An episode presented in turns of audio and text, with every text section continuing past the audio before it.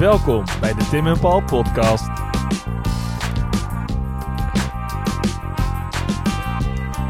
Blubber, aderlaten en de pest. Dat is het beeld dat wij van de middeleeuwers hebben. Vandaag is Janna Komans de gast om alle clichés over de gezondheidszorg en hygiëne van de middeleeuwers door te prikken. Hou je vast, zelfs varkens moeten eraan geloven. En wist je dat er in de middeleeuwen al gemeentereiniging was? Wij ook niet. Maar Janna gelukkig wel.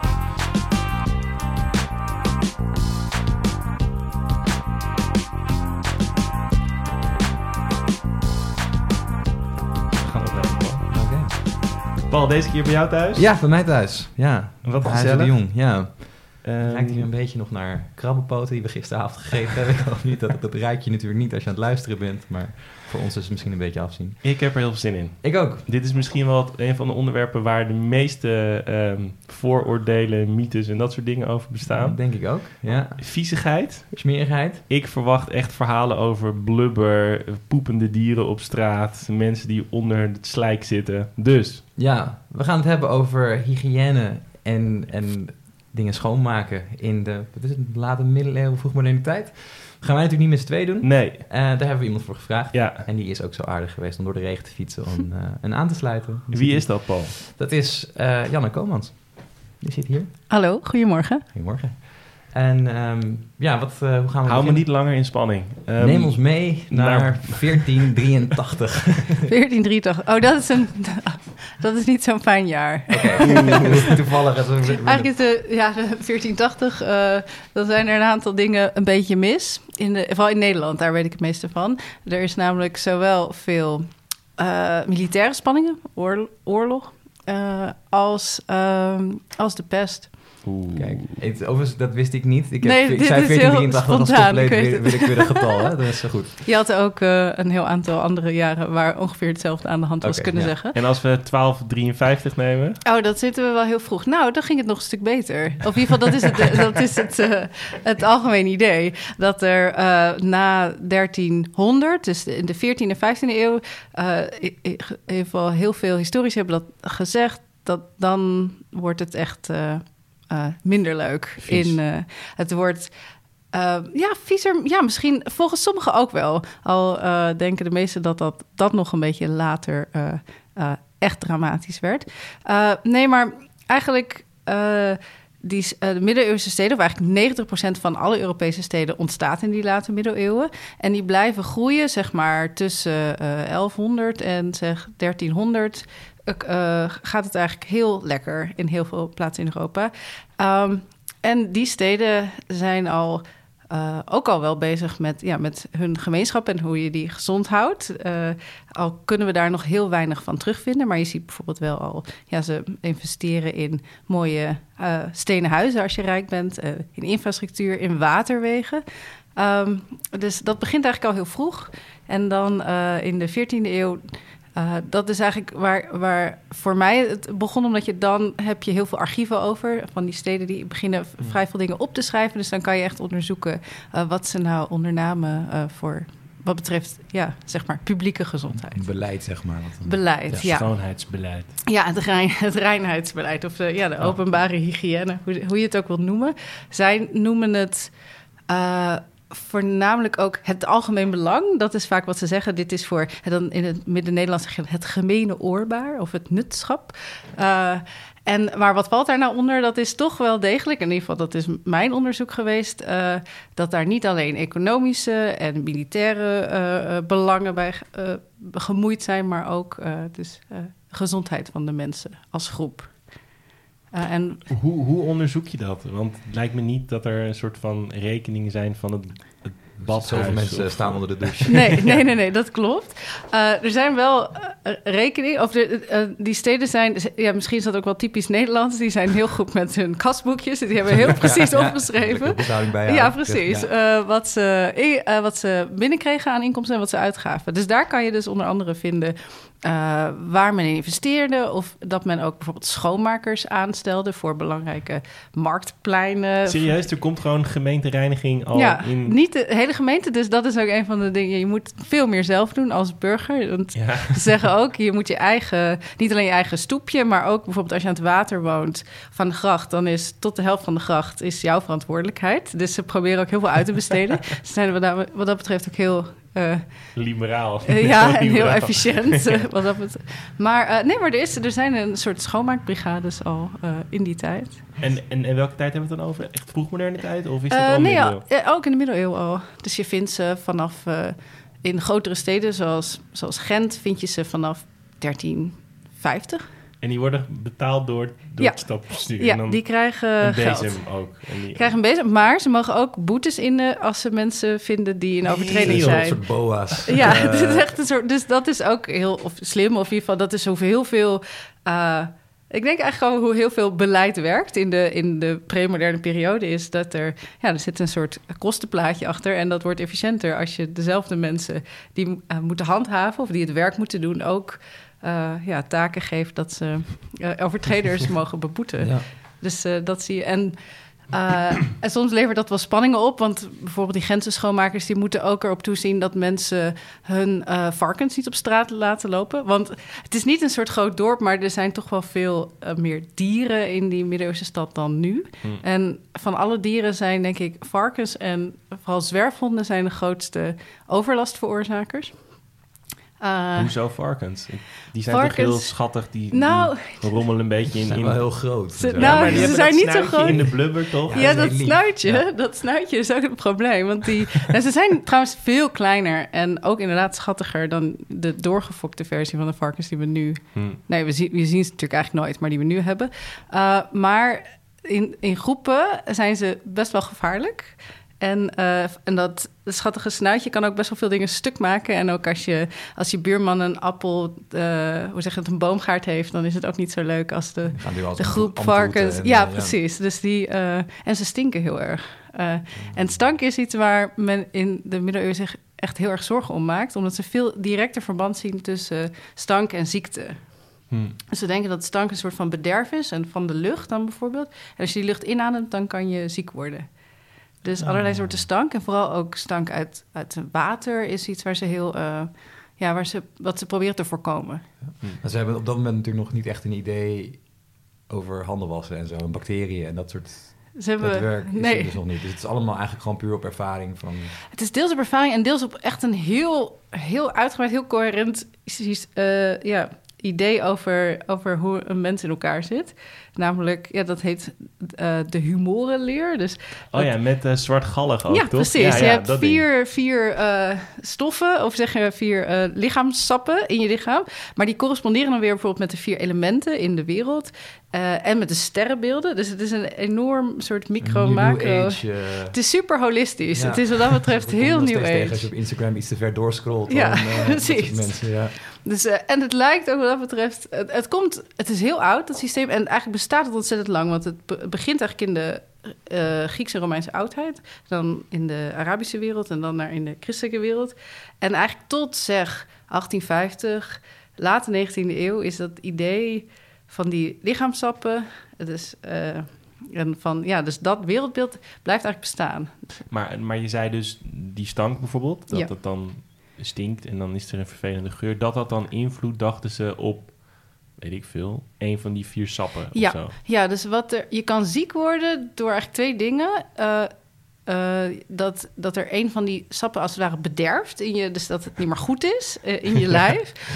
En als ze uit balans raken. Dus als je veel te veel van de een hebt. Dus bijvoorbeeld de pest is, is een vorm van bederf. Maar wat er gebeurt, je krijgt heel erg koorts. Dus ze denken dus dat het lichaamssap uh, wat te veel hitte geeft. In dit geval het bloed. Daar heb je te veel van. Dus de oplossing voor hun is daarom ook bijvoorbeeld aderlaten. Maar de klassieke Ja, methode ja. aderlaten is... Um, Nou, gewoon iemand kapot snijden en dan... snijden en dan Stukje, leeg- gaatje maken. gaatje maken en dan leeg laten lopen, Ja. toch? En dan Oh, word je het- vanzelf beter. Ja, maar, maar dus dat... de- En wat dat betreft is het ook weer heel new age en holistisch. Dus het idee van gezondheid is vooral een idee van balans. Hm. En, en dat zit...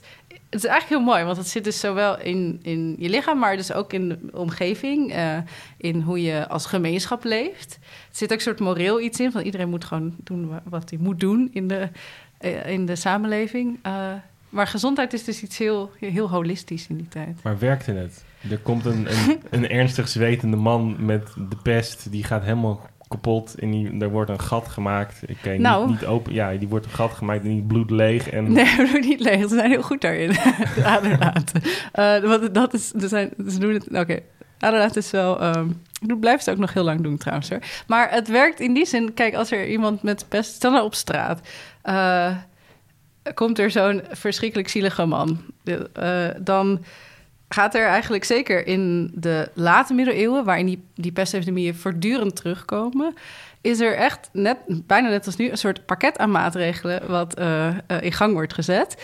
Eh, een van de belangrijkste daarvan is quarantaine. Dus zo iemand, als hij in een huis woont, moet het hele huishouden zes weken lang mag niet de deur uit. En het huis wordt gemarkeerd met een soort bos stro. En stel nou dat, en die medische zorg is iets wat, eh, nou ja, dat is voor eh, eigenlijk grotendeels privé. Dus als je het zelf kan betalen, zal je zelf een dokter moeten betalen. Maar om, voor de armere mensen zie je dat de stad dus ook dokters inhuurt. En juist diegene die bijvoorbeeld dat aderlaten moet doen, je ziet dat er steeds meer interesse is om de speciale medische zorgmedewerkers speciaal daarvoor. Dus om te voorkomen dat eh, anderen worden besmet. Dus dan kan je naar de speciale pest. Barbier, zeg maar, die dat voor je kan doen. En hopelijk werkt dat. Maar, Dus, nee, maar, dan, ehm, nee, maar dan, zeg maar, dan is de ha- hamvraag nog steeds... die man is ern- ernstig zwetend bij die speciale barbier. Maar dan werkte dat. Ehm, Het... het, zeg maar, de vraag is of jij of Aderlaten helpt tegen Ja. beide Nee, nee, nee, maar meer zo van... Zeg maar, dat is werk- een heel... heel dat, dat vind ik best wel sick om te horen. Dat ze een heel uitgewerkt idee hadden over hoe die... al die stoffen met elkaar werkten. Ja, en daar hadden ja, ze dus ja, een ja. aantal oplossingen voor. ja, Maar ik kan me wel voorstellen, dat wil ik misschien van je horen, dat het ergens een beetje werkt. Want anders blijven ze dat niet de hele tijd proberen. Dat is misschien een beetje. dat ik- is waar. En, maar eh, je ziet zo ook nu weer met corona dat of dingen werken. Mensen heel graag dingen willen proberen. eh, zeg maar, Trump die nog, eh, wat, wat was het, bleek in je aderen wilde spreken. Dus er is... Dat een ontwormingsmiddel voor paarden en zo. Ja, ja, Eh, ja. Dus de, er is.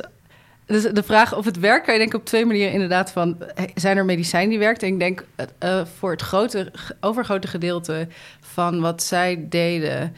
op eh, dus de medische markt rondom pest... en er waren echt van pest... er waren echt ontzettend veel... eh, ja, er is natuurlijk heel veel vraag naar. Dus Ja. er is gewoon heel veel... Er zijn allemaal medische traktaten. Big Pharma de ja, dan 16e kun je, eeuw, ja. dan kom, als je die allemaal gaat doornemen, dan, ja, dan kan je wel zeg maar de, de typische middeleeuwse freakshow kan je daar wel uithalen, zeg maar. Dus wat dat betreft denk ik dat het antwoord is, maar heel beperkt werkte dat. Maar als je het hebt over werkt het wat zij probeerden te doen om dus epidemieën te voorkomen, om besmettingen op, eh, van een gemeenschap te voorkomen, denk ik dat, ze, dat je daar veel serieuzer naar kan kijken, Mhm. omdat het gewoon eigenlijk best wel lijkt op wat we nu doen. Namelijk gewoon, je probeert interactie dus met mensen die eh, besmet zijn of die in aanraking zijn met patiënten, probeer je te voorkomen. En dat is eigenlijk wat we nu eh, ook weer aan het doen zijn. Oké. Nou, Ja. ja, ik zit meteen ook te denken aan... Ik heb dat beeld van, van middeleeuwse artsen. Dat, van, die, van die hele freaky men- mensen... Nou, ik weet niet of die mensen freaky zijn... maar die outfits zijn nogal spannend. Het zijn van die mensen Ja. met van die zwarte gewaden en zo'n vogelneus. Ja, dat is, dat is een beetje een dat is eigenlijk ook een beetje een mythe. Eh, het yes, is, de eerste eh, mythe wordt nu ontkracht. Ja, oh nee, we zullen- ik zal zo nog wat duidelijker alle mythes op een rijk zetten. Eh, maar het, het is een deels mythe. Ten eerste is dat niet middeleeuws, maar het is echt vroeg modern.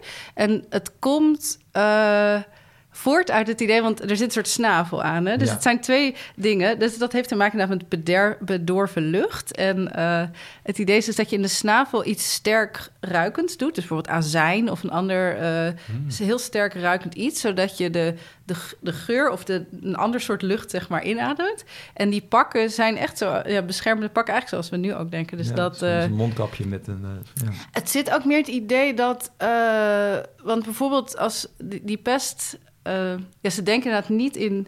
eh, ze, in, in kleine, ze beginnen een heel klein beetje te denken in kleine deeltjes, maar ze denken niet in bacteriën. Maar het is wel het idee dus dat die, dat die slechte lucht, dus de ziekte kan blijven hangen in ruwere materialen. Dus eh, ze zijn ook erg bang voor bijvoorbeeld stro en allerlei beddengoed. Dat mag absoluut niet uit besmette huizen worden gehaald als er ergens een pestepidemie is. Maar er zit toch ook wel wat in? Ja, er zit ook wel wat Toch? in. Want, het, want het was toch juist met ratten die in dat stro zaten of zo? Ja, ja, misschien moeten we dat ook nog even... Ja, toch? Eh, het idee wat we nu hebben, het is de, best een bacterie, dus geen virus. Eh, en die zit op vlooien. En die vlooien die eh, zitten gewoonlijk op knaagdieren, en dus ook ratten. En die, gaan, en die, die gaan ook dood eh, van diezelfde ziekte. En dan springen ze over op mensen. Dat is het algemene idee. En op een gegeven moment kan er ook een versie ontstaan, eh, dat heet longpest, die kan tussen mensen ook worden overgedragen. Dus, dus nee, er zit inderdaad in die zin wel weer wat in. Maar het pakken, het, het, eh, dus die mythe van die, die gekke dokters met die snavels, dat was helemaal niet zo extreem wijdverbreid. Maar het idee erachter is eigenlijk wel dus dat je dat gladde, beetje leerachtige Ja. eh, kleding, dat dat beter werkt, dat het daar minder in blijft hangen als het ware, dan, eh, dan in bijvoorbeeld ruw eh, katoen. Ja. Ehm, misschien nog even goed om een soort van contextualisering te doen. Ja. Hè? Want we hebben het nu een aantal momenten over de middeleeuwen gehad, vroegmoderne tijd. Maar misschien is dat ook wel gewoon het wijdverspreide cliché-ding van de middeleeuwen dat dan het licht uitgaat. Ja, Want zeg maar, het idee is toch altijd een beetje dat mensen in de Romeinse tijd paleizen bouwden. Gaan in bad en zo. Ja, die zijn wa- allemaal- Ja, Ja. waterwegen hadden gewoon schoon. En dan gebeurt er iets en dan zit iedereen weer met twee stukken hout in Ja. de blubber te klooien. Ja. En dan begint daarna de renaissance of zo. Ja, precies. Dat is, dat is het, het, het soort van klassieke beeld. En, eh, en dus die, die Romeinen in een mooie witte toga's en daarna wordt het allemaal niks. Ehm, nee, en ik denk toch dat, en dat is ook wel eh, inmiddels voor heel veel, eh, in heel veel aspecten bewezen, is dat die middeleeuwse laatste steden echt niet zo vies en vervuild zijn als men heeft gedacht. Maar dat idee dat het licht het gaat, dat is eh, de herkomst daarvan is vooral ook... Het, het begint in de renaissance, maar het is vooral ook een 19e eeuws idee.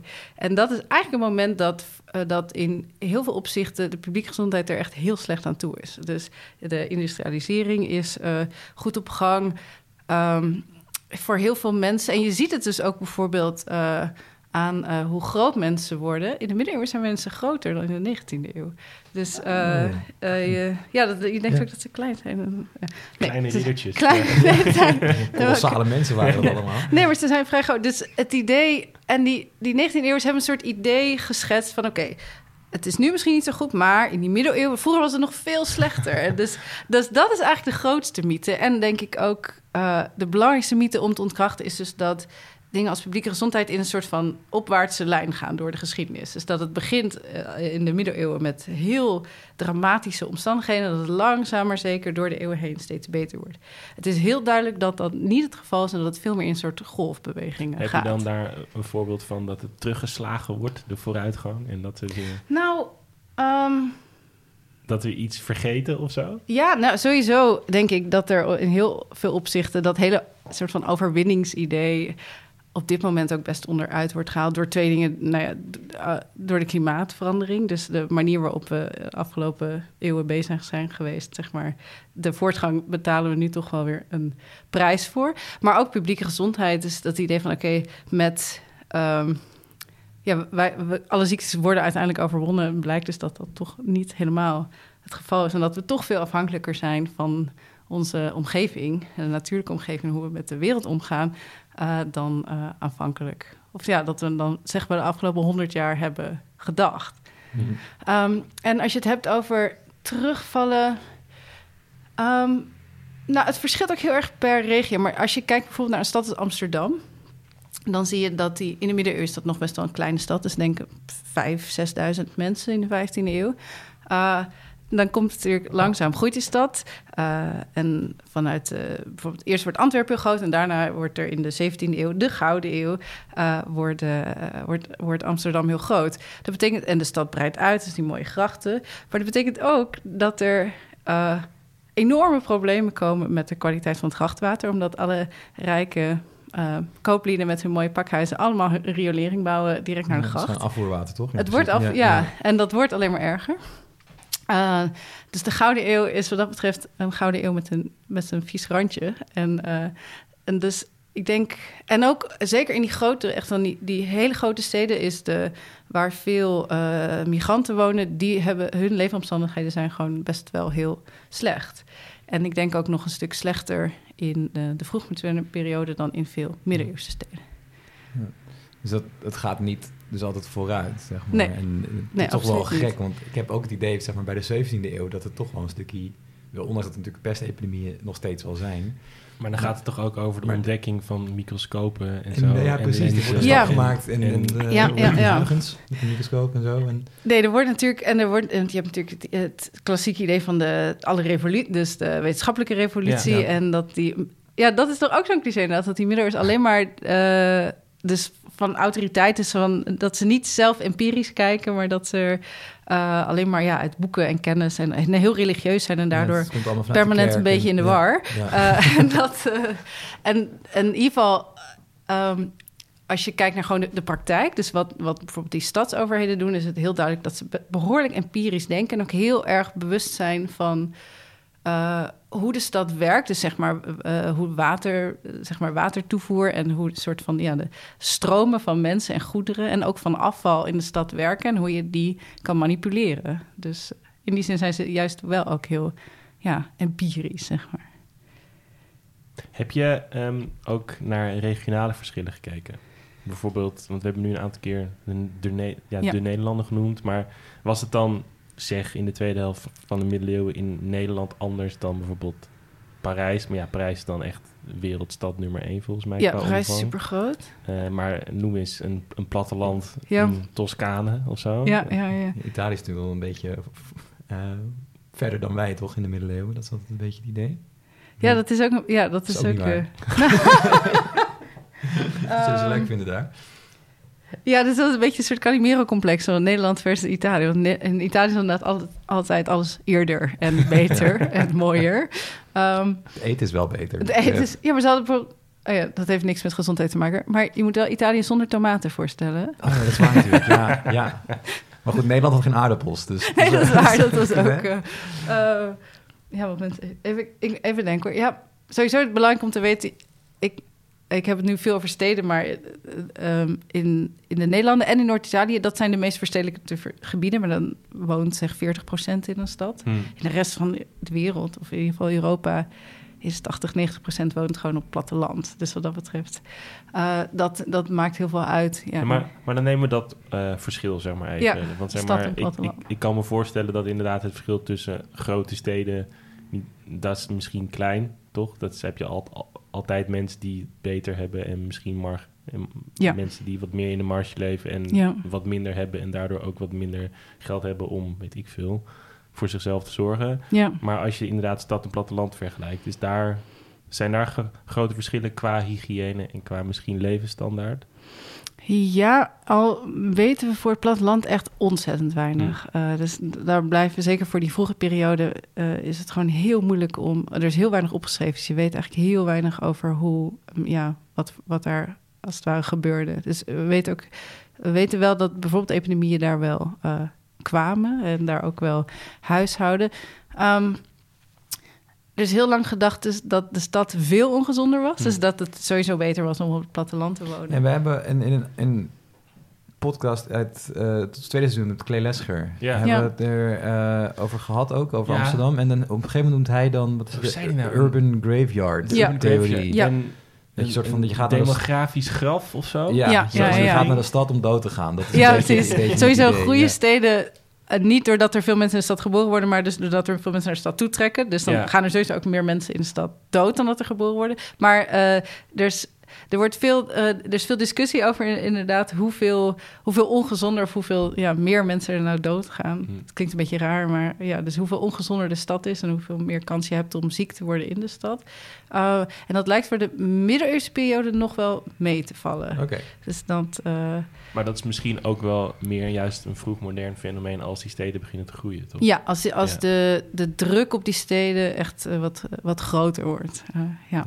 Maar is er iets te zeggen over de levensstandaard van iemand in zo'n houten hut op het platteland in de middeleeuwen?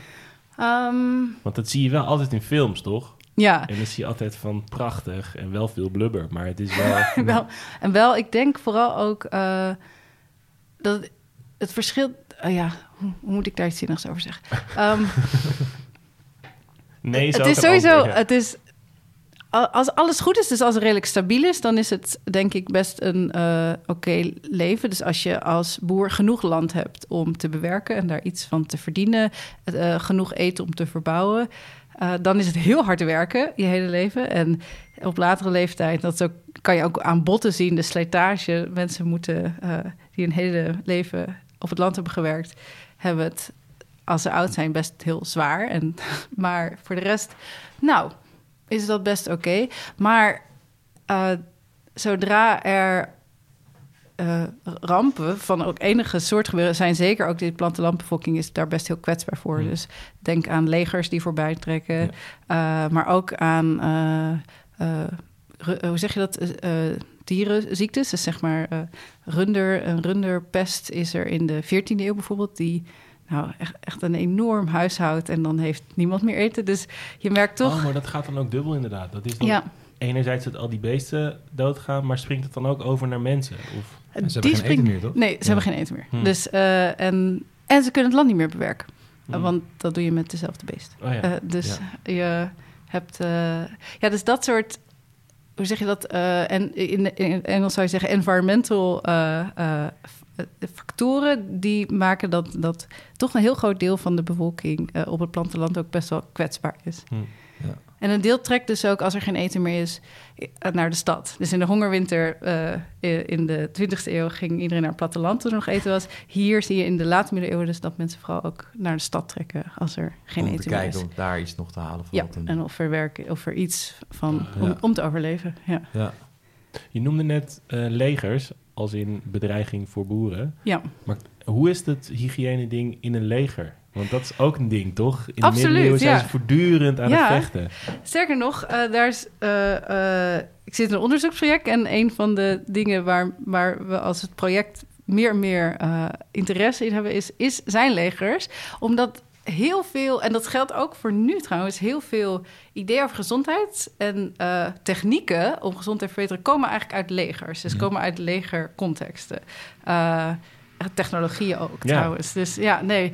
Eh, en Dat het is natuurlijk als je een de leger. Wereldoorlog, Ja, toch? precies, Met, ja. Dat ze allemaal dingen bedenken met, tra- met transplantaties en zo. Ja, ja, ja. En, en sowieso soorten eten. Je bedoel, het belangrijkste is als je een groep mannen hebt die je wil laten vechten, dat ze een beetje gezond zijn. dat, dat ze nog kunnen vechten. precies. En dat eh, dus. eh, en in die.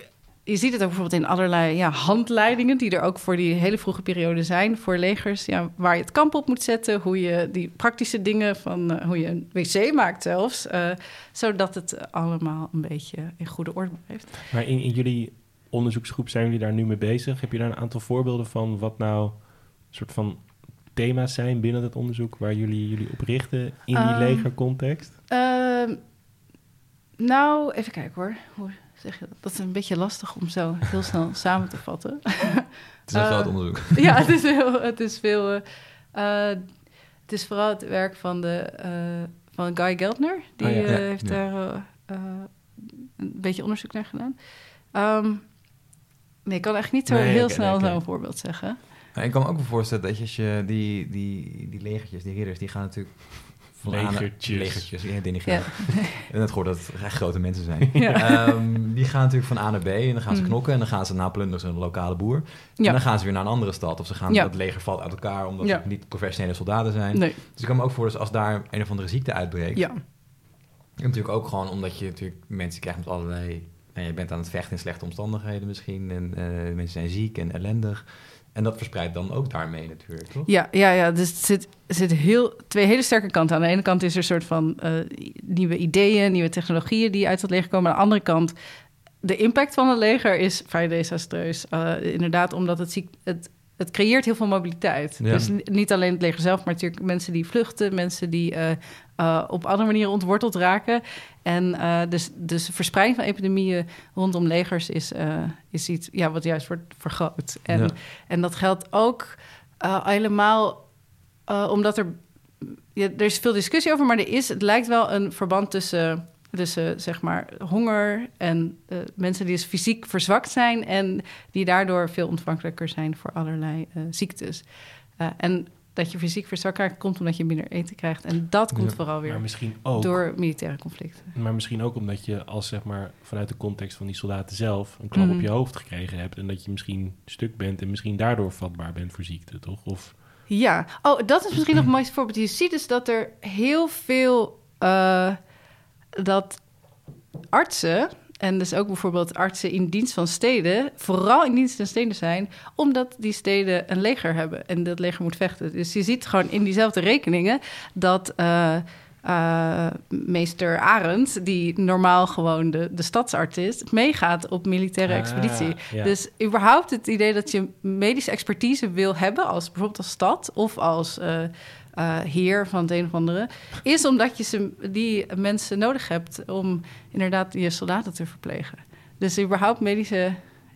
De zorgmedewerkers binnenhalen heeft eh, eh, medische redenen. Of militaire redenen, bedoel ik. Oh, wow. Wel vet. ja, Ja. dat is wel. Ja, ik heb over nagedacht dat het natuurlijk heel erg dicht bij elkaar ligt. Dat je, Ligt heel dicht bij elkaar. Logisch dat je, ja, je moet twee Ja. armen hebben om een zwaard vast te houden en een schild, zeg maar. Dus Ja. het is wel goed als die ook werken.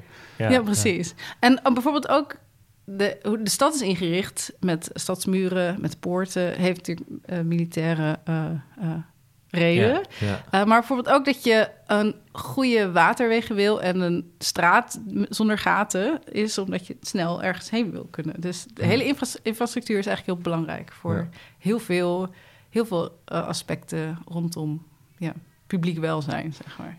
Je noemde net water, eh, waterwerken, zeg maar. En we hebben het ook net heel even gehad over dat, de, dat Amsterdam, zeg maar, de grachtgordel is een soort van open riool. Maar het is natuurlijk ook heel belangrijk voor mensen om aan drinkwater te komen. Dus, Ja. En daar zit natuurlijk een enorme link tussen met gezond water of goed water drinken en Ja. in leven blijven, volgens Ja. mij. Dus kan je iets vertellen over hoe mensen daar aan, aan fatsoenlijk drinkwater kwamen en als dat niet zo was, wat ze dan zouden moeten doen? Ja, dan heb je een probleem. Ja, ja, nee, er zijn... eh, En iedereen dronk toch bier? Ja, dat is ook, dat is ook nog zo'n mythe. Dus dat Ja. ze helemaal geen water dronken omdat er helemaal geen drinkbaar water was. Dat lijkt heel erg mee te vallen. En het is duidelijk dat er, eh, als je het je kan veroorloven, dan drink je inderdaad liever bier of wijn eh, Ja. dan water. Eh, Ja, we, maar we hebben het al een keer eerder besproken. Dan zijn die mensen toch de hele dag gewoon... ja, de- de- er is ook wel onderzoeken ja. hoe va- hoeveel eh, alcohol er in dat bier zit. En het idee is dus dat er minder alcohol in het bier zit dan, elke dan dag is een nu. festival als je in, Ja. in de 15e eeuw leeft. Precies, ja, dat is dat. maar- Ja, en, en een beetje vies, zeg maar. Ja. Dus ja, Ja, een soort Lowlands op dag precies. Eh, ja. Precies, ja. In een tent, Ja, blubber. iedereen is ook ziek. Is een beetje ziek. naar. Ja, maar dat is dus niet waar. Nee, Ja, dat is jammer. niet waar. Nee. Ehm, ja, wat kan je, ja, hoe krijg je schoon water? Er zijn Ja. eigenlijk drie, drie manieren. Eh, de oppervlaktewater, eh, putten en regenwater. En je ziet dat de meeste steden een soort combinatie hebben van die, die dingen. Eh, hoe makkelijk het is of hoe moeilijk om een, een put te maken, dat ligt gewoon heel erg aan de grond. En het grondwater en hoe ver dat in de grond zit. Dan, dan dus... maak je een put, je gaat gewoon graven en er komt water uit op een gegeven moment. Ja, je grijpt heel diep en dan verzamelt zich het water onder in Hm. de put. En dat kan je dan omhoog. Ja, Ja. met emmer. en, eh, en dat soort dingen zijn... Het verschilt heel erg per stad in, in hoeverre zoiets centraal wordt geregeld. En je ziet heel vaak dus dat, dat buren bijvoorbeeld dat samen eh, eh, regelen en onderhouden. Dus wat dat betreft ben je voor heel veel dingen qua hygiëne heel erg afhankelijk van je, je buren en je directe... Ja. Ja, dus je hebt, je hebt putten maar je, en regenwater. Dus ja, denk gewoon aan een regenton. Je ziet ook in de vroegmoderne periode... of bijvoorbeeld grotere instituties... die hebben ja, wat ze cisterns noemen. Dus allerlei ja, opslagen ook van Dat is regenwater. vaak in de kelder, toch? Dat Ja, ja die- precies. ja. Ja. heb je een soort bak waar het regenwater in loopt. Ehm, maar dat oppervlaktewater, zeker in, in, in Noord-Europa, waar gewoon relatief veel water is, is eh, wordt vaak wel ook gebruikt. Dus je ziet dat er dan. ehm, eh, eh, en in wat eh, gebieden waar niet zoveel water is, ja, dan krijg je eens aquaducten. Dus allerlei echt hele uitgebreide, vrij kostbare constructies om water naar een stad te krijgen. Ehm, En uh, Werden die dingen ook nog dan in de middeleeuwen gebouwd? ja, zeker. Want Ja, ik- ja, ja. ik- Dat we is hebben toch... het ook over Ja, dat hebben die Romeinen. Oh, aqueducten, dat is Rome. En daarna Ja. Stort dat allemaal in. En Je had toch zo'n zo'n spelletje vroeger, dat je zo'n Romeinse stad moest bouwen. Dan moest je wel je aquaduct bouwen. en dan moest je eindeloos ook met die waterdingen Ja. Ja, ja, ja, ja. Volgens mij dat spelletje ook ja, zie je dat hoeveel gedoe dat is? En dan Ja, gaat het ergens kapot. moeite. En dat is een spelletje, ja. ja, nee, dus dat is ook heel veel moeite. En dan komen de hunnen eraan en dan heb je weer een Ja, probleem. en dan heb je weer, dan gaat je aquaduct weer. Ja. Ja. Nee, dus die, die, die aquaducten, die Romeinen bouwden dus bijvoorbeeld ook voor hele grote badhuizen. En dat soort Hmm. constructies, die, Nee, die ja, gebruik ik niet meer. Maar überhaupt water, ja, het is zo belangrijk. Je kan gewoon echt niet zonder als gemeenschap. Nee. Dus je, ja, aquaducten zijn, eh, blijven wel belangrijk. Maar eh, bijvoorbeeld in Nederland heb je het dus meer over... ah, ja, waar wij, waar wij goed in zijn, is allerlei systemen met sluizen en Ja. dat soort eh systemen creëren om eh, water te kunnen verversen. Dus je, ja, je, je kan gewoon de, als je de hoogte. Ja, precies. Ja. Je kan het manipuleren waardoor je stroming kan eh, krijgen. Ja. En als Ehm. het zeg maar, water stroomt, dan is het over het algemeen gezonder dan stilstaand water. Ja, en dat weten ze heel erg goed. Oké, Daar zijn ze echt heel erg veel. eh, ja, zijn ze er gewoon heel van bewust. Maar dan heb je natuurlijk wel. Je hebt wel allerlei. Hoe zeg je dat? Je wil misschien eh, meer doorstroom, maar als, het, als er vervolgens dan schepen bijvoorbeeld niet meer kunnen varen omdat het, Ja. eh, het waterpeil te laag is, dan heb je. eh, een probleem. ja, dan heb je hiervan. Dan heb je geen voedsel meer. Nee, precies. Dus dat Ja. soort. eh, en, en de kooplieden zullen dan minder blij zijn dan de brouwers. Ja, die, moet je bijvoorbeeld water. houden natuurlijk. Ja, dus de belangen zijn eh, ja, soms best Ja. complex. En, en wisten ze toen ook al het verschil tussen zout, brak en zoetwater? Want, want Amsterdam met de Amstel is toch best wel brak, het water. Ja, Of- dus volgens mij, ik weet het eigenlijk niet voor Amsterdam, maar ik weet het wel voor Leiden Ja? bijvoorbeeld. Daar, daar is dus bijvoorbeeld putten. eh, ja, als je vrij dicht bij en van die drassige veengrond, als je te dicht bij de zee bent, dan wordt de put gewoon, gewoon ja. heel snel, kan Ja. je niet goed drinken. Dus nee, dus dan moet je een andere manier eh, verzinnen. Eh, ja, ik denk, denk, ja, ik denk, mijn antwoord zijn, tuurlijk wisten ze dan, want dat proef je ook vrij snel. Ja, ja, ja, ja. En het bier smaakt niet zo lekker als Maar- je maar het wisten ze hoe ze dat zoutwaterbier. Ja.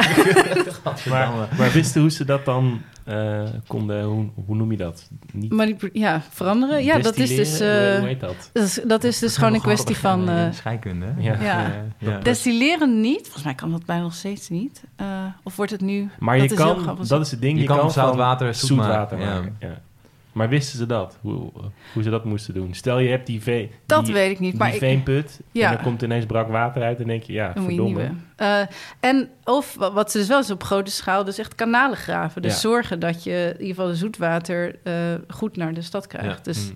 dus ja, dat is de waterwerken. eh, Ja. Dus Het waternet van... eh, Ja, ja. ja, dat- het- ja, het- ik bedoel, als er zoveel mensen in de stad wonen die moeten drinken. ja. Ja. Maar dat, Ja. wat ik ook wel interessant is, is, is, is dat je zei dat het allemaal toch vrij privé was. Dat er niet vanuit het stadsbestuur gezegd werd, nou, hier, kom maar, schapen over wie wij eh Nee, hoeden. Niet, eh, niet als het zo duur is. Nee. dus eh, je ziet dat. ehm, het verschilt is heel erg per stad. Als het, als, er, als het heel erg noodzakelijk is, dus om dat het oppervlaktewater van redelijke kwaliteit te houden, eh, omdat er niet zoveel andere soorten Hmm. vers water zijn, dan zie je dat die steden wel dat, eh, eh, daarin investeren vaak. Ehm, niet omdat ze zo goedhartig zijn, maar omdat het gewoon eh, een absolute voorwaarde is voor het voortbestaan zeg van de stad, stad. ja, ja. Ehm, en soms, in een aantal steden, bijvoorbeeld in Antwerpen, eh, dan is er een soort van meer soort coördinatie van de putten. Dus dan, weet, dan zijn er gewoon putmeesters en die checken de putten. En eh, is er een soort administratie van wie wat mag gebruiken. Ehm, en, eh, en, maar als het, als het niet zo moeilijk is om dat water te krijgen zelf, ja, dan, dan hoeft het niet. Nee, en dan nee, zie je dat nee. er ook gewoon, bijvoorbeeld in Deventer, waar je fijne zandgrond hebt, eh, heb ik nog nooit, is er gewoon geen één regel over watertoevoer. Gewoon omdat het Iedereen zichzelf. het gewoon zelf. Ja. Dan, ja. Of je vindt het dus alleen in een soort eh burenruzies die je af en toe in de. Dat wil ik even, dat wil ik Ja. even meteen op aanhaken, want we hebben een voorgesprek gehad van de Ja. week. En toen zei jij iets over, het was zo af en toe een beetje lijkt op de rijdende rechter. Mhm. Dat je het soort conflicten krijgt tussen mensen over dat er een varken losloopt of dat het Ja, water... precies, ja. dus kan je daar iets over eh, Ja, die-? Vind je wat, wat we nu zeg maar civiele rechtspraak zouden noemen? Dus dat dan zijn er gewoon twee mensen met een conflict en die gaan naar de rechtbank. Eh, en voor heel veel steden kan je dat terugvinden. En dat zijn verschrikkelijk dikke boeken met vooral dingen over erfenissen en geld. Maar af en toe vind je daar dus boze buren in, uh, die dus een conflict hebben. Vaak is het dus een nieuwe bewoner die uh, niet ja. meer gezellig meedoet met de, de afspraken. Of bijvoorbeeld uh, zijn huis heeft verbouwd, waardoor de afwatering niet goed werkt. Um, je ziet ook, en daar kan je dus, dat is heel, het, sowieso, het lijkt heel, het is heel knullig, maar ook wel weer heel grappig en heel uh, interessant om te lezen, want dat zie je dus echte mensen met echte problemen. Um, maar wat je ook ziet, is dat, je, uh, dat heel veel mensen dingen moesten delen. En uh, bijvoorbeeld ook wc's. Dus dan komt er een nieuwe bewoner en die gaat ervan uit dat hij de wc van zijn buren mag gebruiken, die achterin de tuin staat. Um, maar hij heeft daar niet voor betaald. Dus, dus de buurman heeft de, het hek dichtgemaakt. En dan, gaan, en dan krijgen ze ruzie. En dan gaan ze dus. En af en toe loopt dat zo uit de hand dat ze naar rechter gaan. En dat je dus als historicus dat kan vinden. Maar dat is natuurlijk wel een van de weinige bronnen, denk ik, die je hebt van, even flauw gezegd, maar het gewone volk, toch? Ja, de zeker. Ja. Die wij ja, ja, zo ja. graag willen aanhalen. En de altijd. leefomgeving. Want ja, die. uh, uh, ja, dat moeten mensen toch. Ja, Ja, dat is voorstellen gewoon als wat je denkt, zelf nou, ik ga even bij de buren naar de wc en Ja. hek is dichtgetimmerd. Ja, Dan- heb je ja, een probleem. Ja. Uh, en dat kun je, ja, dan moeten ze. Het idee is dus, denk ik, dan dat van tevoren had men eigenlijk moeten betalen of afspraken moeten maken over ja, gezamenlijk onderhoud. Maar Ja. soms uh, gaat dat niet goed. Iets anders waar ik aan denk bij hygiëne is wassen. Ja, En daar heb je ook water voor nodig. Zeker. Ehm, dat is ook wel een mooi bruggetje. Maar heb je daar zicht op hoe mensen zichzelf schoon hielden in die Ja. tijd? Wat, maar wat is het concept van hygiëne? Want- van want- persoonlijke hygiëne? Ja, want, nu douche je iedere dag, wat volgens mij ook niet echt nodig is. Nee. Ehm, het is ook denk ik heel recent dat we zoveel douchen en zo. uh, uh, ja, dus dat enige vorm van lichaamsgeur taboe is. Uh, Want ik, ik ken wel een soort van steen die je dan om had, toch? Een steen? M- Met een soort geur, die geur afgaf. een geursteen. Ja, dat je dat in vroegmoderne tijd om had. Dat Oh ja? Dat je niet zo meurde, maar... Hmm. Hmm. Daar weet jij meer van dan ik. Ik heb er nog nooit van gehoord. Nee? Ik kan- Een nee, geursteen. nee. Het klinkt wel aantrekkelijk. Maar uh, Oké, mis- oké, misschien is het een fabeltje. Is het een Ja, andere... misschien- ik heb er gewoon nog nooit van gehoord. Dat, eh, ja. ik ook niet. Maar misschien is het vroeg modern en niet Ja, middeleeuws. ja. Maar uh, algemeen over hygiëne um, is dat je wel ziet dat het heel belangrijk is om je handen en je gezicht dagelijks te wassen. Dat staat ook in, in uh, allerlei uh, soort van voorschriften. Maar uh, ja, als je bedenkt, als je alleen een waterput hebt en een vuur om water warm te maken, eh, kun je nagaan hoe, hoeveel werk het is om een bad te maken. Um, dus dat doen mensen. En mensen hebben dat thuis eigenlijk zelden. Maar je hebt wel in die laat-middeleeuwssteden een badhuizen. Dus je hebt wel een badcultuur. En die is eigenlijk uh, heel sociaal en ook heel gezellig. Volgens sommige, vooral wat meer Puriteinse overheden, te gezellig. Omdat dan iedereen met weinig kleren in een bad zit. Niet hebben natuurlijk. Uh, of een soort sauna, dat kan ook. Dat, dat zijn een soort van twee versies. Um, en dus dit is denk ik niet voor. Het is niet zo het badhuis zoals je dat kent uit de 19e eeuw. Dus dat, de, dat het voor de armsten is, Ja. die niet thuis uh, uh, faciliteiten ja. hebben. Het is juist eerder een, iets waar je betaalt een beetje entree en dan ga je daarheen en dan mag je Ja. in een bad zitten. En dan ga je wat eten en drinken en rusten. Dus het is eigenlijk heel leuk. Um, dus dat. Maar ik denk niet dat mensen dat wekelijks deden, maar uh, gewoon uh, af en toe. Het is voor je Maar- verjaardag dat je dan... eh, Ja, ging lekker naar het badhuis. Ja. Maar stonk het dan niet heel erg naar mensen gewoon? Ik, ja, mensen moeten veel mensen. sterkere lichaamsgeur hebben gehad. Uh, en dat, dat moet heel normaal zijn geweest. Ja. Ja, en dat- mond, mond eh, Mondhygiëne. Um, ja, je hebt allerlei, ja, sowieso een soort van tandenstokerachtige dingen, zeg maar kippenbordjes en zo, wat men wel gebruikt. En, en uh, uh, meer wrijven met doekjes. Maar uh, je kan, en dat kan je dus heel goed zien aan, gaan aan oude skeletten. Een mondhygiëne is wel mm, minder ideaal. Al hebben ze, ze eten heel weinig suiker, dus ze hebben wel weinig, weinig Oh, gaatje. En ze eten heel veel, um, heel, hoe zeg je dat? Uh, ruw? Hoe is- nou, dat is niet helemaal het woord. Nee, toch gewoon voedsel waar je gewoon uh, je tanden eigenlijk heel schoon van worden. Puur omdat je heel erg lang erop moet kauwen voordat je het doorslikt. Ja, Dus uh, een soort Wauw. kauwgomachtige... Ja. ja. Maar ja, je hebt, je hebt niet echt een soort aanwijzingen hoe vaak mensen zich dan wel wasten. Dus je zei Nee, ik, handen en gezicht, dat is belangrijk. Ja, ze hebben, ja, je kent misschien wel ook van latere tijd zo'n wasbekken. Dus je hebt gewoon zo'n kom en een Mm. soort kan. En daarmee was je je. Mm. Dat is de standaard. Ja. En er is nog een mythe, en die geldt vooral ook voor de vroegmoderne tijd. Dus zeg maar, denk aan eh Lodewijk XIV en zo. Dus dat, dat de elite zich helemaal niet meer was. En alleen maar bijvoorbeeld eh, onderkleren verschoond. En Maar dat is toch heel vies? ja, Waarom zou de ele- elite zich niet meer wassen? Nou, ja, ik geloof het ook niet helemaal. Maar het idee is dus dat je, eh, dat je als het ware een beschermlaag opbouwt. Een soort panzer van bacteriën. Dus dat eh, je openstellen. En dus die badcultuur is ook... eh, ieder geval, die openbare banen zijn eh, wel minder populair geworden. En het idee is dus wel dat dat misschien wel door een aantal epi- de, de- door besmettelijke ziektes... of ook door de reformatie. De, eh, dus dat er toch iets wat iets, Iets preutser. iets Oh, preutser ja. is geworden. Ja. Katholieken die gaan gewoon lekker met z'n allen in. eh, Ja, in die gaan- ja, zo. Ja. En dat is natuurlijk ook wel, ik bedoel, dat wordt natuurlijk nog, nog steeds wel ook wel gezegd, toch? Als je kinderen, die moet je gewoon lekker buiten laten spelen en lekker in de zandbak laten graven en zo. En dan allemaal ellende en De zand laten eten. zand laten eten en zo, want dat is goed voor je weerstand. Goed dus daar zit, ik weet niet of dat waar is, maar dat is natuurlijk wel nog steeds dan, als dat zeg maar de reden is, is dat wel een hele hardnekkige die dan ja. al drie, als Lodewijk de 14 dit doet, en Ja. onze, onze kinderen hier in de, in de zandbak spelen, dan ja, misschien is, klopt er wel iets van dan of zo. Nou, ik denk dat, dat onze routines, dus, en, dat is denk ik heel recent, dus iets van de laatste twee, drie generaties, eh, zijn heel erg sterk veranderd. En dat heeft te maken, denk ik, ook met het feit dat eigenlijk pas sinds na de Tweede Wereldoorlog iedere, ieder huis überhaupt een badkamer en eh, een douche heeft. Ik denk uh, onze grootouders dat het misschien nog niet eens Nee. zo was. En als je het wel had, dan ging je wel met de hele gezin allemaal naar elkaar in één bad op zondag. Dus, Dat is lekker. Ja, dat- dan ja. nummer 4 of nummer 5 Allemaal- bent. ja, nee, wel maar dat, dat is super recent. Oude mensen, Heb je wel eens-. In bad gezeten dat het dan zo'n beetje troebel werd, dat bad, als je er lang in hebt Ja, gezeten. ja, ja. En dat je Zo'n- dat Zo'n dan- olielaagje zo. Ja, en dat je dan eh, dus- Van de shampoo en de was. Na de vierde dan dat Ja. daarin moet gaan Ik zitten. kwam me af hoe er schoner van wordt. Ook, eh, Ja, waarschijnlijk wel. Maar ik vind het wel interessant, want het is wel wat je, waar, we in, eh, waar het eerder over had, over van de connectie van ziekte en geur. Ja. En als iedereen natuurlijk gewoon enorm uit zijn bek stinkt en gewoon meurt, Mhm. dan denk je toch ook, ja, dat, er zit een soort van... Iedereen stinkt.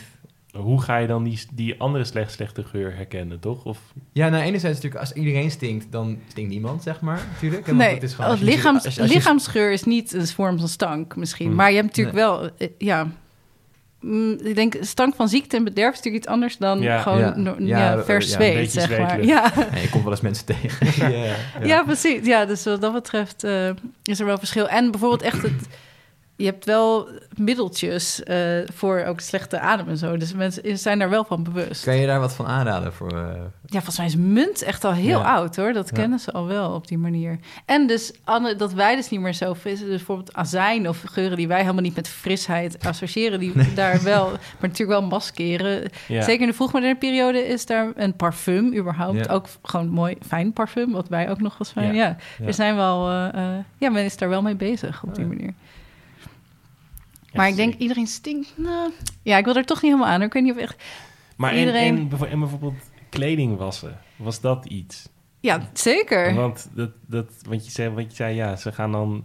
Iedere dag doe je je handen in je gezicht. En, Mhm. Maar die kleding, haal je dan aan? Of die, Ja, de meeste, zeg maar, armere mensen hebben één, maximaal twee paar kleren. Oké. Dus ja, En als ga het stuk niet. is, dan... Dan maak je het. Ja. En als het heel erg stuk is, maak je het nog een beetje meer. En op een gegeven moment is er niks meer over. ja.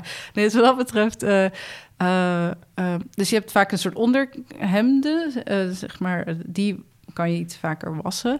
Ehm, maar de meeste mensen hebben gewoon maar één paar kleren. Dus die zullen dat niet heel regelmatig hebben kunnen wassen. Ook omdat wassen echt een heel intensieve bezigheid is. Mm. Als je voor... Ja, En het moet ook drogen. het toch? moet drogen, het moet bleken. Dus je, of bleken, of je legt het dan eh, ja, in de zon, dan droogt het het mooist. Dan wordt het het mooist wit. Ja. Ehm, maar ja, kun je je voorstellen, dus wassen zonder wasmachine en met is... zo'n eh, tobbe, toch? Dan moet je aan draaien. en draaien, zo, ja, dan- en erop slaan. En het is heel eh arbeidsintensief. Dus ehm, mooi schoon zijn en is ook een beetje een statussymbool. Juist omdat, je, omdat het laat zien dat je iemand in dienst kan hebben om het allemaal voor Ja. je te doen. Want je hebt gewoon niet de tijd zelf om Ja. dat allemaal te. Ja, eh, ja.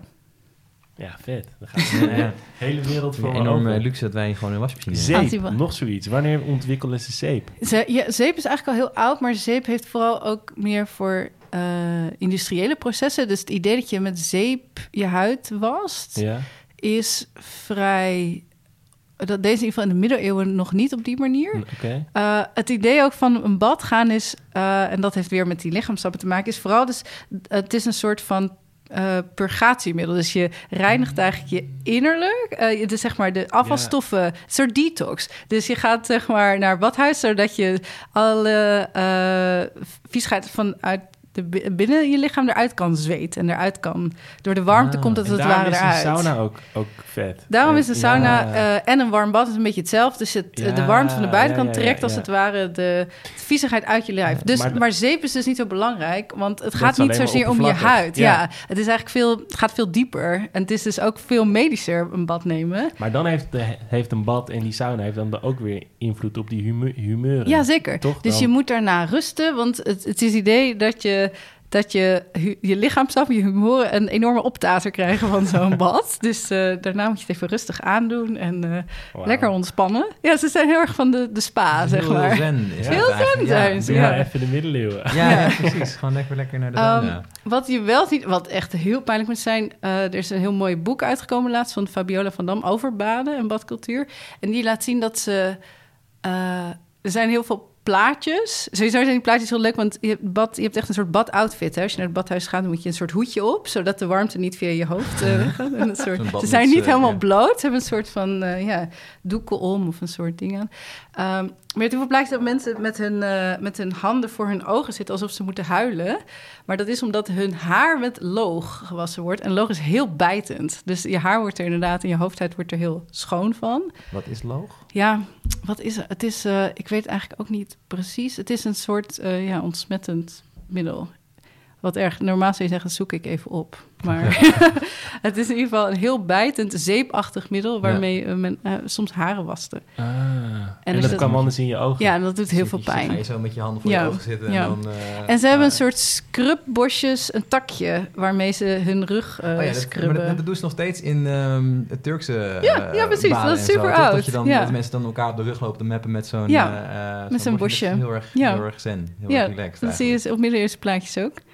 En die gekke bosjes, takjes hebben ze vast. Ja, Wat vet. Ja, ja. Paul, we zijn bijna een uur onderweg. Meen je? Meestal mag jij dan nog één vraag stellen. Ja. Eh, ehm, maar dat wil ik eigenlijk... jij wil claimen. Nee, nee, ik wil voorstellen dat anders te doen. Omdat eh, jij nog aan het begin zei dat, dat je nog wel even alle mythes zou gaan Oh ja. opnoemen... die we allemaal zouden Oh gaan ontkrachten. Misschien is dat een leuke afsluiting. Ja. Nog even een rondje alle, alle mythes Eh, ja. ontkrachten. Misschien mag jij daarna ook nog wel een vraag Ja. stellen. Even kijken. Nou, de belangrijkste zijn inderdaad dat het niet zo is dat de middeleeuwen het vies waren en dat we daarna alleen maar schoner zijn geworden. Het gaat heel erg in golfbewegingen en dat verschilt regionaal ook heel erg. Andere mythe is dat men niet in bad ging. Dat hebben we net eh, Ook eh, uitgebreid besproken. ja? Precies. Ehm, en misschien ook een mythe inderdaad dat men überhaupt het idee uh, dat men heel apathisch is en niks durft of wil doen tegen ziektes ten bate van gezondheid, hè, omdat hè, ieder geloof in God en daardoor, ja, het is ook heel raar. Hoe zou dat dan eigenlijk werken? Dan mag je niks doen uh, of iets dergelijks om je om je aardse leven te beïnvloeden. Dat, dat is absoluut niet waar. Dus je ziet dat er heel veel wordt ondernomen op allerlei vlakken. Zowel voor persoonlijke gezondheid als dus voor uh, de groep of gemeenschap. Dat zijn denk ik de belangrijkste bieden. Oké.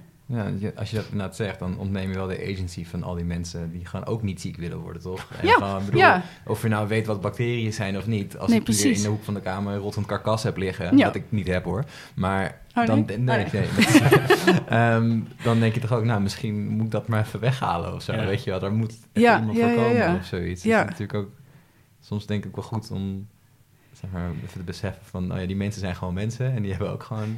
En de agency, ja. en dat is ook wel belangrijk, en dat zie je ook natuurlijk nu, dat um, er is heel lang best wel een beetje beetje laagdukkend gedaan over die middeleeuwse maatregelen. Van hè, dat werkt om niet, ze wisten niet waar ze mee bezig waren, want ze wisten niks van bacteriën. Maar ik denk, kijk, als je nou over twintig jaar terugkijkt naar deze corona-epidemie en wat er allemaal wordt ondernomen en niet wordt ondernomen uh, om, om uiteindelijk die, zo'n epidemie te boven te komen, dan moet dat.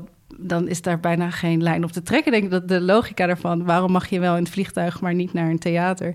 Dat soort dingen zijn zo um, eigenlijk ja, bijna niet te begrijpen, denk ik, als je daar als historicus op terugkijkt. Dus het idee dat, uh, dat je ziektes kan bestrijden, dat het alleen maar gaat over wetenschap, dat is denk ik ook iets wat we nu ook heel duidelijk ervaren, dat dat maar een heel klein deel is van wat uiteindelijk maakt dat je succesvol een ziekte kan bestrijden. Ja, en het is ook wel, zeg maar, voor mezelf ook, zeg maar, als je dan nu iets leest over pestepidemieën, quarantaine en zo. Ja.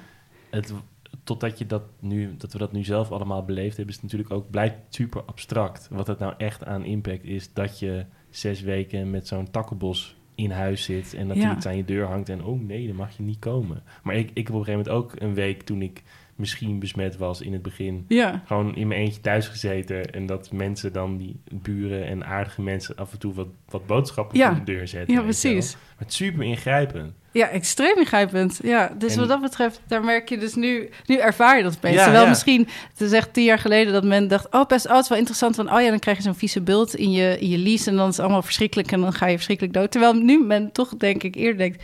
oh ja, maar wat probeerden ze dan eigenlijk te doen? Omdat Ja. we nu gewoon heel Ja, erg geïnteresseerd en- zijn daarin. Ook wat je zei over ehm, dat het...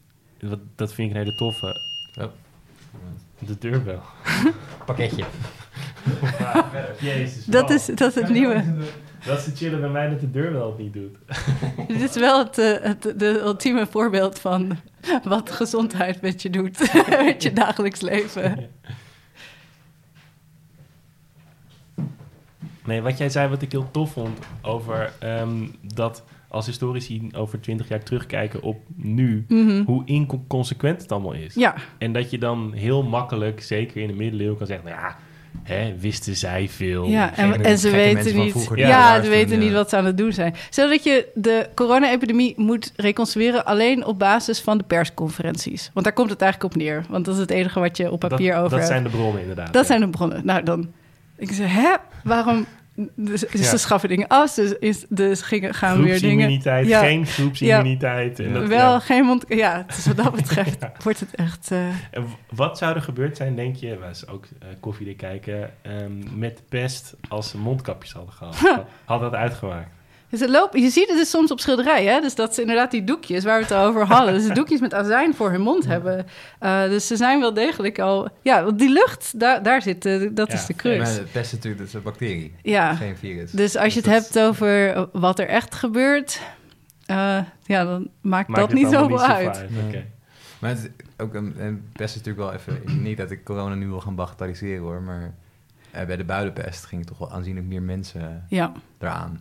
Ja. Ook. Dus dat ja je, zeg maar- 70% gaat dood van de besmettingen. Maar dan wil ik toch ook een lans breken voor de Spaanse griep na de Ja. Eerste Ja. Wereldoorlog. Toen, eh, heb je de foto's gezien dat mensen toen ook mondkapjes droegen en zo? Ja, Spaanse griep. Nee. Dat zijn echt eh, in, in Engeland en zo mensen gewoon eh, verplicht mondkapjes moesten dragen en zo. Er zijn hele Oh, vette foto's van. Ja. Ja. Wist ik niet. Geheel terzijde. Ja. Ja. Paul, Maar heb ik- jij nog een laatste Ja, vraag? nou, ja, ik Oké. wil nog even aan wat je net zei. Van, wetenschap alleen is niet genoeg om, Ja. om zoiets te doen. Want je hebt natuurlijk ook beleid nodig, Ja. eigenlijk. En daaraan aansluiten van de welwillendheid van de bevolking Ja. om zich daaraan te Dus- houden. dus Want de jij kan verhouding- wel zeggen van iedereen, als we de, de, de, de pest breekt uit en iedereen moet zes weken binnen zitten die het Ja. heeft gehad, die een bult krijgt ergens. Eh, maar jij denkt, ja maar hallo, ik moet ook naar de markt. En Ja. ik moet ook eh, eh, dingen gaan doen. Ik moet gewoon werken, want ik ben een... eh, Ja, anders heb je geen inkomsten. Ja, want het, het is ook inderdaad het beleid min het financiële compensatiebeleid Ja. ernaast. Want daar is geen geld, dat, dat nee, bestaat wij niet. hebben hier nu nog eh, De Tozo. de Tozo gehad. Ja, hè? er Eh, zijn geen tozo's. Het was geen Tozo in de middeleeuwen natuurlijk. Dus je moet natuurlijk wel nog... Ja. Daar is natuurlijk ook Nee. nog wel een, een dingetje mee. Ja, dus de, als je het hebt over publieke gezondheid, is de, de verhouding tussen overheid en burgers en dat, eh, wat, eh, ja, hoe je überhaupt eh, mensen hun gedrag kan beïnvloeden. En eh, dat, is, dat is essentieel. En ook daarom heel interessant, ook al ben je niet zo geïnteresseerd in ziekte, zijn epidemieën eh, historisch heel interessant om naar te kijken, Mm. omdat het dus heel veel zegt over hoe zo'n samenleving functioneert. Ja. Zullen we daarbij uh, ja, dat is een mooi, mooi, een mooi, ja. mooi einde ervan. Uh, Dankjewel. Ik ga mijn handen wassen. Ja, ik ga ja. neiging om te krabben en zo. Ja. Heel erg bedankt voor het verhaal. Graag gedaan. En, uh, ja, heel leuk dat je het is droog. Het is droog, ja. Mag, weer, mag weer thuiswerken.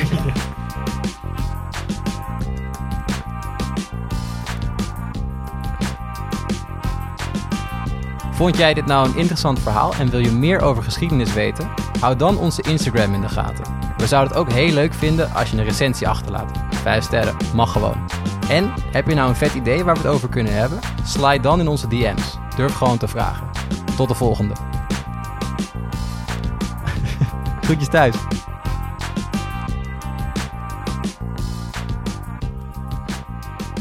Je luisterde naar de Tim en Paul Geschiedenis Podcast. Een onafhankelijke podcast gemaakt door Paul de Jong en Tim Streefkerk. Muziek door Mart Jenninga. Alle rechten voorbehouden.